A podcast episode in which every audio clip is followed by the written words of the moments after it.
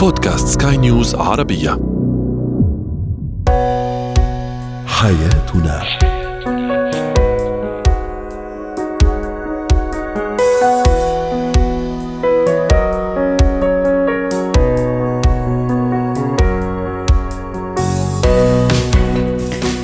مستمعينا الكرام أهلا بكم معنا إلى حياتنا فضاؤكم اليومي الذي يعنى بشؤون الأسرة وباقي الشؤون الحياتية الأخرى والذي يمكنكم الاستماع إليه عبر منصة Sky News Arabia dot com slash podcast وباقي منصات سكاي نيوز العربية الأخرى. شاركونا عبر رقم الواتساب 00971 معي أنا أمل شابة. اليوم نتحدث عن الاحتواء مفهوم الاحتواء بين الزوجين.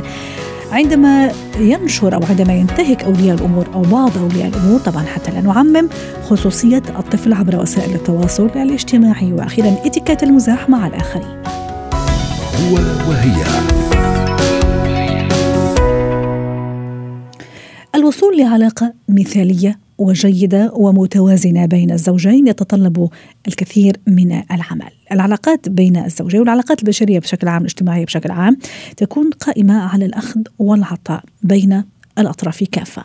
فالحديث أيضا هنا اليوم عن العلاقة بين الزوجين تكون متكافئة بين اخذ وعطاء، واليوم نتحدث عن الاحتواء، مفهوم الاحتواء بين الزوجين، كيف يحتوي الشريك زوجته وكيف تحتوي الزوجه زوجها وشريكها.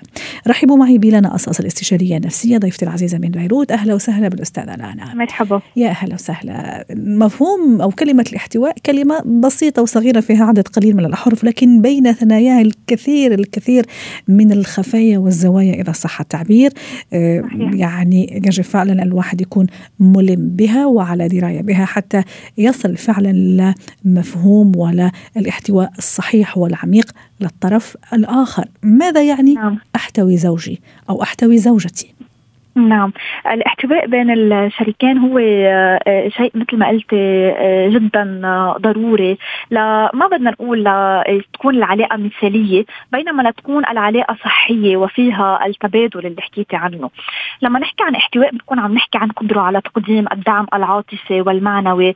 بنحكي عن قدرة على تفهم احتياجات الشريك. بنحكي عن الوجود المعنوي والجسدي بالأوقات الصعبة والعصيبة آه، عند عند الشريك آم، بنعني التواجد عند وجود آه، توتر عند الشريك بتعني تقديم الحب آه، والتقدير والشعور.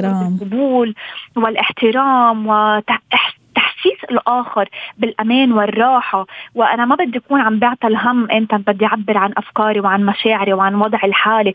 بدي احس حالي مرتاحة إني عم بحكي بالأمور مثل ما هي مع الشريك لحتى نكون عم نحكي عن احتواء حقيقي وعن احتواء خالي من ال من من أي نوع من ال ال تصنع يعني ال- الابتزاز العاطفي. يعني أوقات في آه، احتواء يقدم بابتزاز عاطفي فهون نحن عم نحكي عن احتواء غير مشروط صح أو احتواء كمان متصنع احتواء يعني صحيح. مبالغ فيه أو اهتمام ما عم أعطيه أنا فعلا بنية طيبة وبنفس طيبة.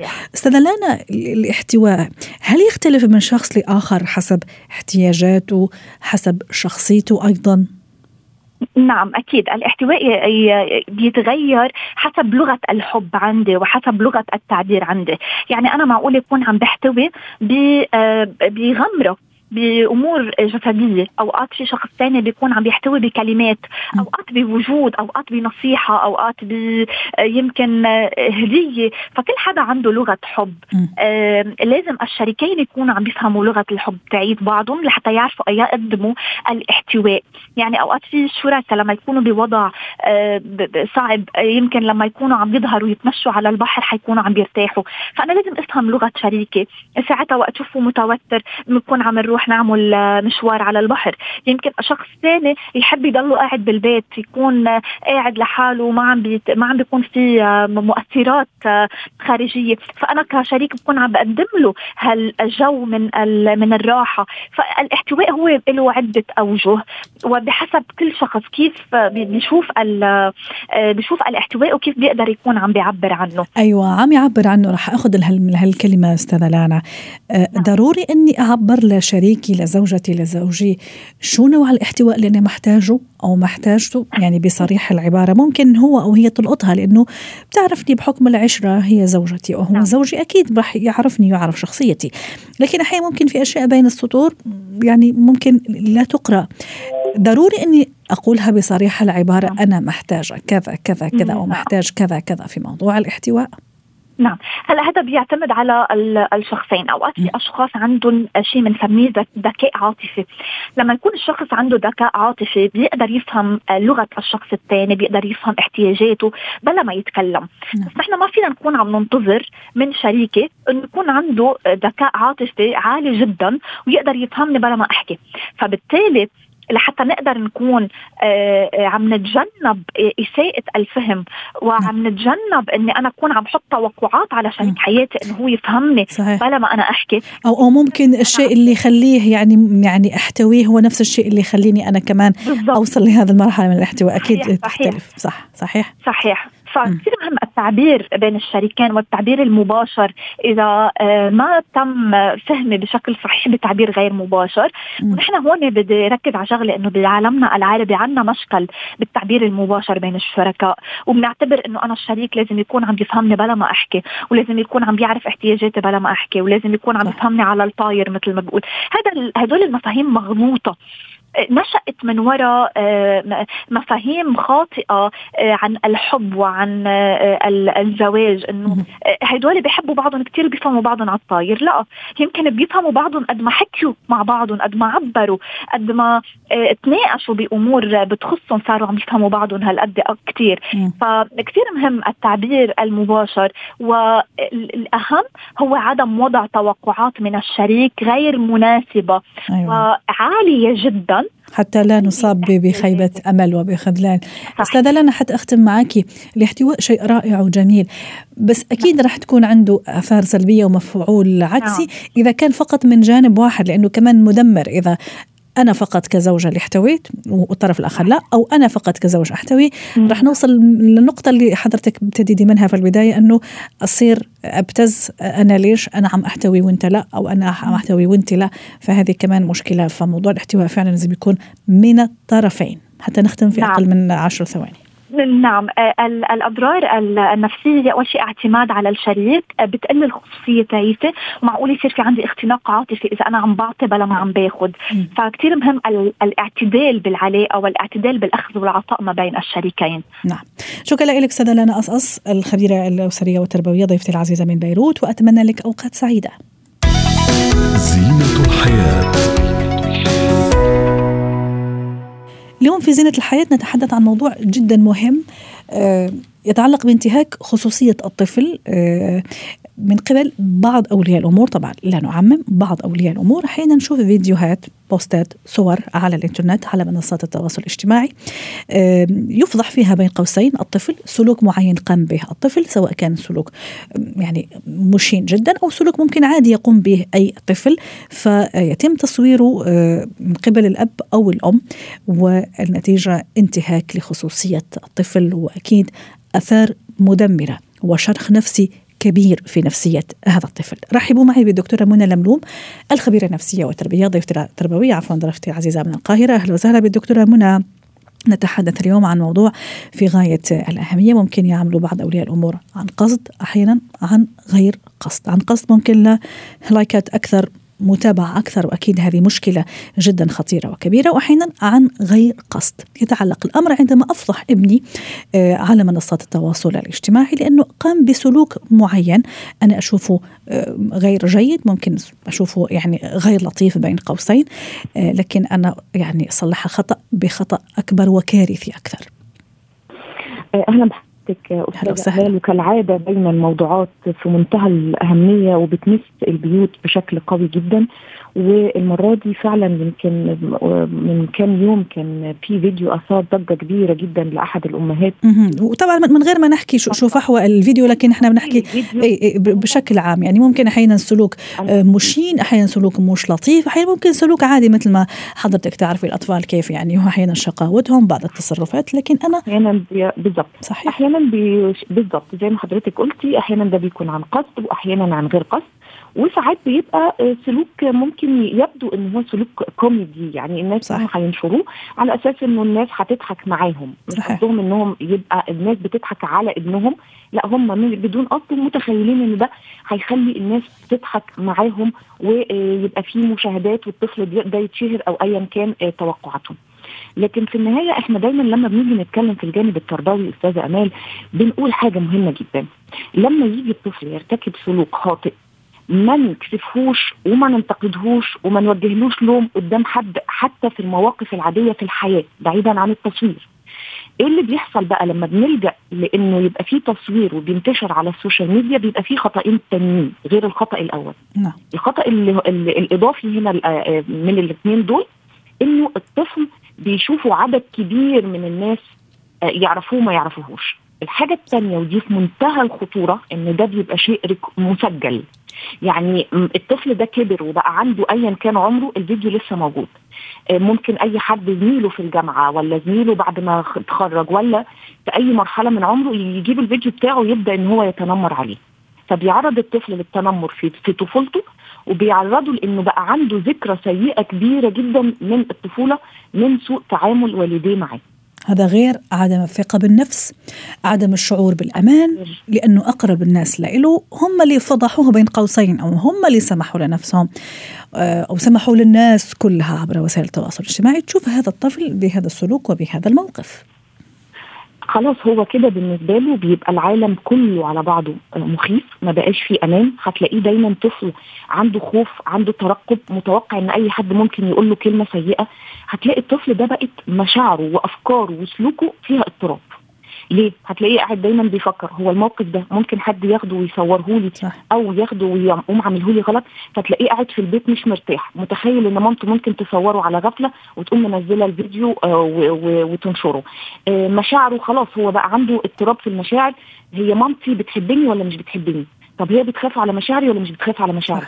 طب هي يفرق معاها إن أنا أتحرج أو إن أصحابي في المدرسة لما يشوفوا الفيديو يقولوا لي شفت مامتك عملت فيك إيه؟ ولا مش هيفرق معاها؟ وبالتالي رد فعله بقى وسلوكياته تبدأ تظهر بشكل قد يكون عدواني ناحية المجتمع لأنه بيتعرض لتنمر فأنا عايزة أدافع عن نفسي فهعمل إيه؟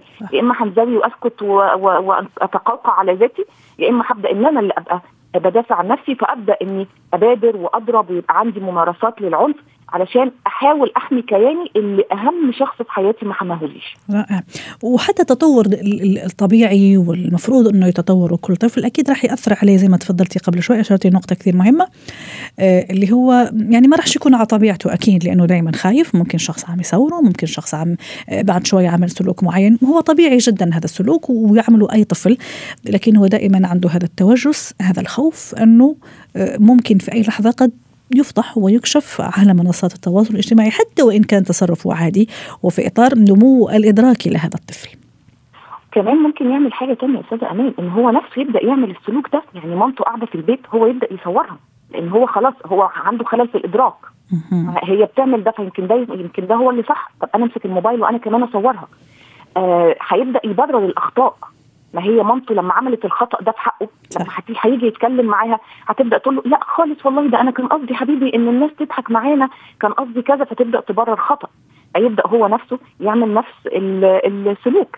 يبقى ما عندوش زي ما بنقول كده في بوصلة أخلاقية. أبقى عارف إن ده غلط وده صح. مفيش حدود. البوصلة دي عنده ما تظبط صحيح. بالظبط كده. صحيح. لا مش عارف هو الصح إيه والغلط إيه فتلاقيه بيعمل سلوك وهو فاكر إن هو صح بس هو في الحقيقة غلط.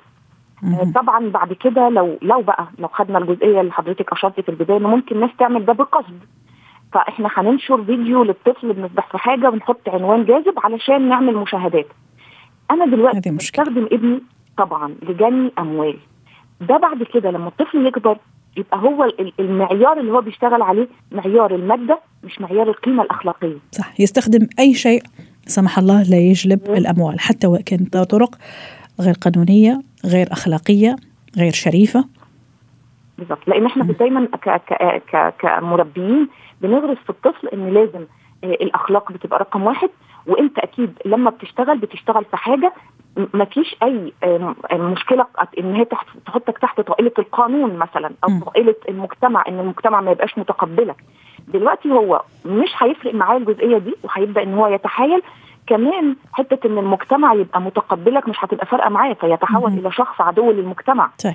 يبقى الشخص السايكوباتي اللي بنتكلم عنه أنا المجتمع ما حمانيش أنا المجتمع تنمر عليا أنا المجتمع أذاني ويتحول الشخص ده بعد كده لشخص هو نفسه بيعادي المجتمع ولا يكترث لا بقانون ولا بأخلاق ولا بقواعد المجتمع المتفق عليها. دكتورة منى حتى نختم مع حضرتك اليوم في هذا الموضوع صراحة المهم.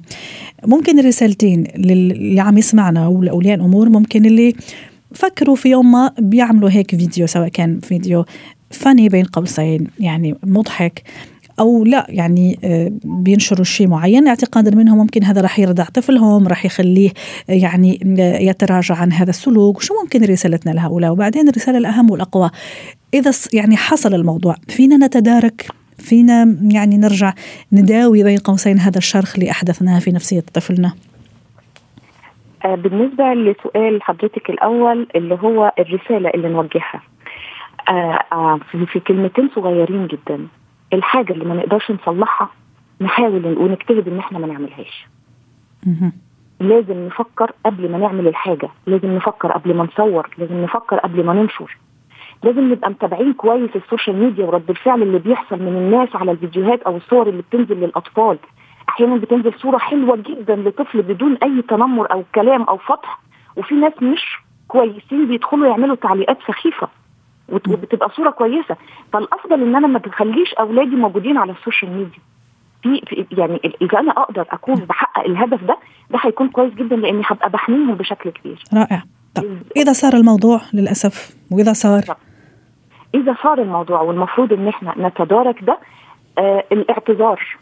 وان إحنا نطلب من الناس كلها لو في حد عمل داونلود للفيديو إن هو يمسحه الاعتذار للطفل. إيه إن أنا بقى ما دمت خلاص دخلت الطفل في إطار إن أنا نشرت عنه حاجة وحشة لازم أنشر عنه حاجة كويسة. يعني أصحح الخطأ اللي حصل بسيء إني أنشر حاجة كويسة أعتذر للطفل أعتذر على ال social media اللي أنا نشرت عنه فيها وأطلب من الناس إن هم يدعموا الطفل لأنه الموضوع ده أثر فيه بشكل سلبي. والناس نتمنى منهم كمان المتابعين والمشاهدين إن هم ولا ينشروا ولا يعملوا download ويستروا الأطفال ويمنعوا صح. عنهم أي أذى نفسي لأن في النهاية الأطفال دول هم المستقبل وهم كأنهم أولادنا. صح. ولتكن هذه الفيديوهات يعني تقف عند أي شخص يعني يتلقاها تقف عنده من غير ما يشاركها مع الآخرين. وهذه كمان نوع من أنواع يعني التعاطف ويعني نردع هذه السلوكيات. شكرا لك دكتورة منى رائعة مبدعة دائما. أتمنى لك أوقات سعيدة.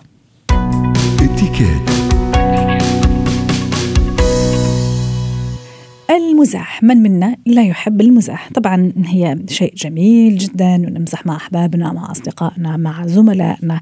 لكن لكل شيء حدود وقواعد وضوابط. نتحدث اليوم عن إتيكيت المزاح. رحبوا معي بمارلين سلهب خبيرة الإتيكيت ضيفتنا العزيزة من بيروت. أهلا وسهلا بالأستاذة مارلين. المزاح أحيانا نمزح مع أصدقاء مع صديقات مع زملاء ممكن أقارب أحباب وأحبة.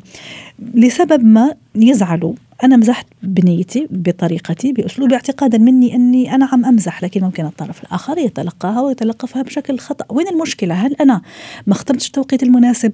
ما اخترتش الكلمات المناسبة؟ أو كان لازم أعرف شخصية هذا الشخص اللي أنا عم أمزح معه؟ حضرتك قلتي أعطيتي جواب آه شكرا لحضرتك. على الاستقبال. بس آه بدي أقول لك شغلة ما فينا نحن نتخطى حدود أي مزح. يعني نحن بحجة عم بمزح أوقات كثير عم نتخطى كل الحدود. هلأ ما في شك إنه الأشخاص اللي بتمزح خصوصا لما بتعرف تحترم المواقف بتعرف تحترم الأشخاص أكيد بتحط جو كثير جميل. بدنا نعرف نختار اولا الأشخاص.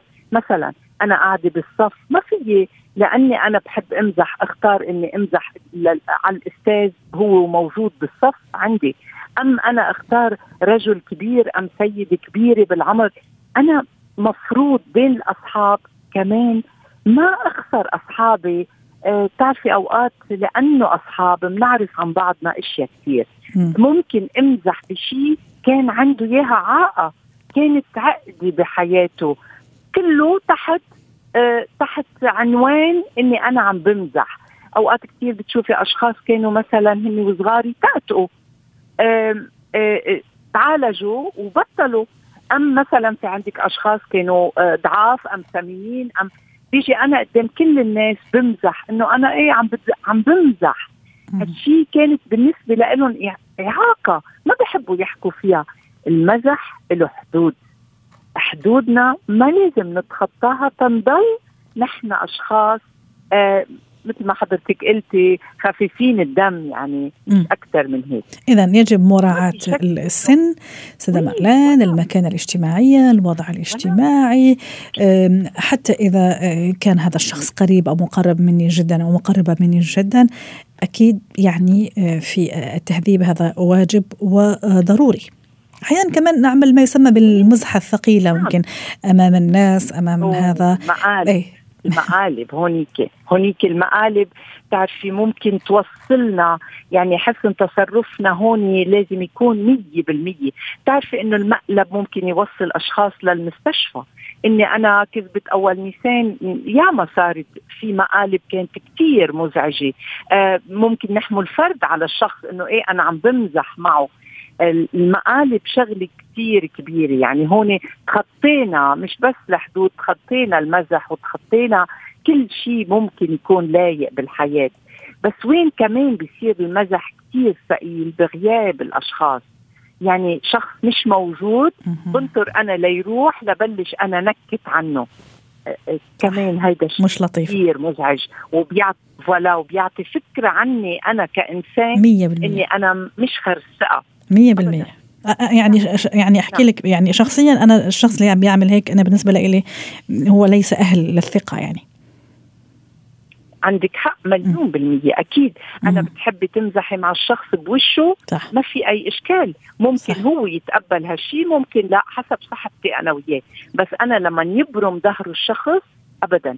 بعدين لازم صح. أختار الوقت يعني اختيار آه. الوقت للمزح كمان كثير مهم. صح ممكن هذا الشخص يعني مش مستعد ممكن في في في حالة مزاجية مش مستعد. ممكن لو كان في حالة مزاجية أخرى حسن ممكن يتقبل أكثر. ست مرلان حتى أختم معك. عادة كما لما نقول مزح نقول ضحك. حين ممكن يكون بطريقة كثير مبالغ فيها بصوت كثير عالي كمان. يعني هذا شوية مش مش لطيف. آه آه تعرفي أكثر الأشخاص اللي بيزعجوا بالحياة هن هدول اللي بيضحكوا على صوت عالي لأنه ما بتعود ضحكة. صدقيني ما بتعود ضحكة بتصفي أوقات كثير إذا بتلاحظي في ناس بتمزح وبتضحك على المزحة تبعها وبشكل كثير مزعج. بتشوفي كل الأشخاص اللي قاعدين ما حدا عم يضحك بقى. يعني ما إنه تخطينا مش بس الحدود تخطينا قلة التهذيب في يقول. إنه مش مسموح ولا نمزح على صوت عالي ولا نمزح نحن ونضحك على المزحة تبعنا خصوصا إذا لقينا إنه الجو منه ملائم لهالمزحة. لا في أمور كثير الإنسان لازم يضل ضمن حدود. صحيح وكل شيء زاد عن حد انقلب لضده حتى في الأشياء حتى في المزحة والنكات والضحك كل شيء إذا زاد عن نعم. حد انقلب لضده. شكرا لك سيده مارلين سلهب ضيفتنا من بيروت وأتمنى لك أوقات سعيدة. حياتنا.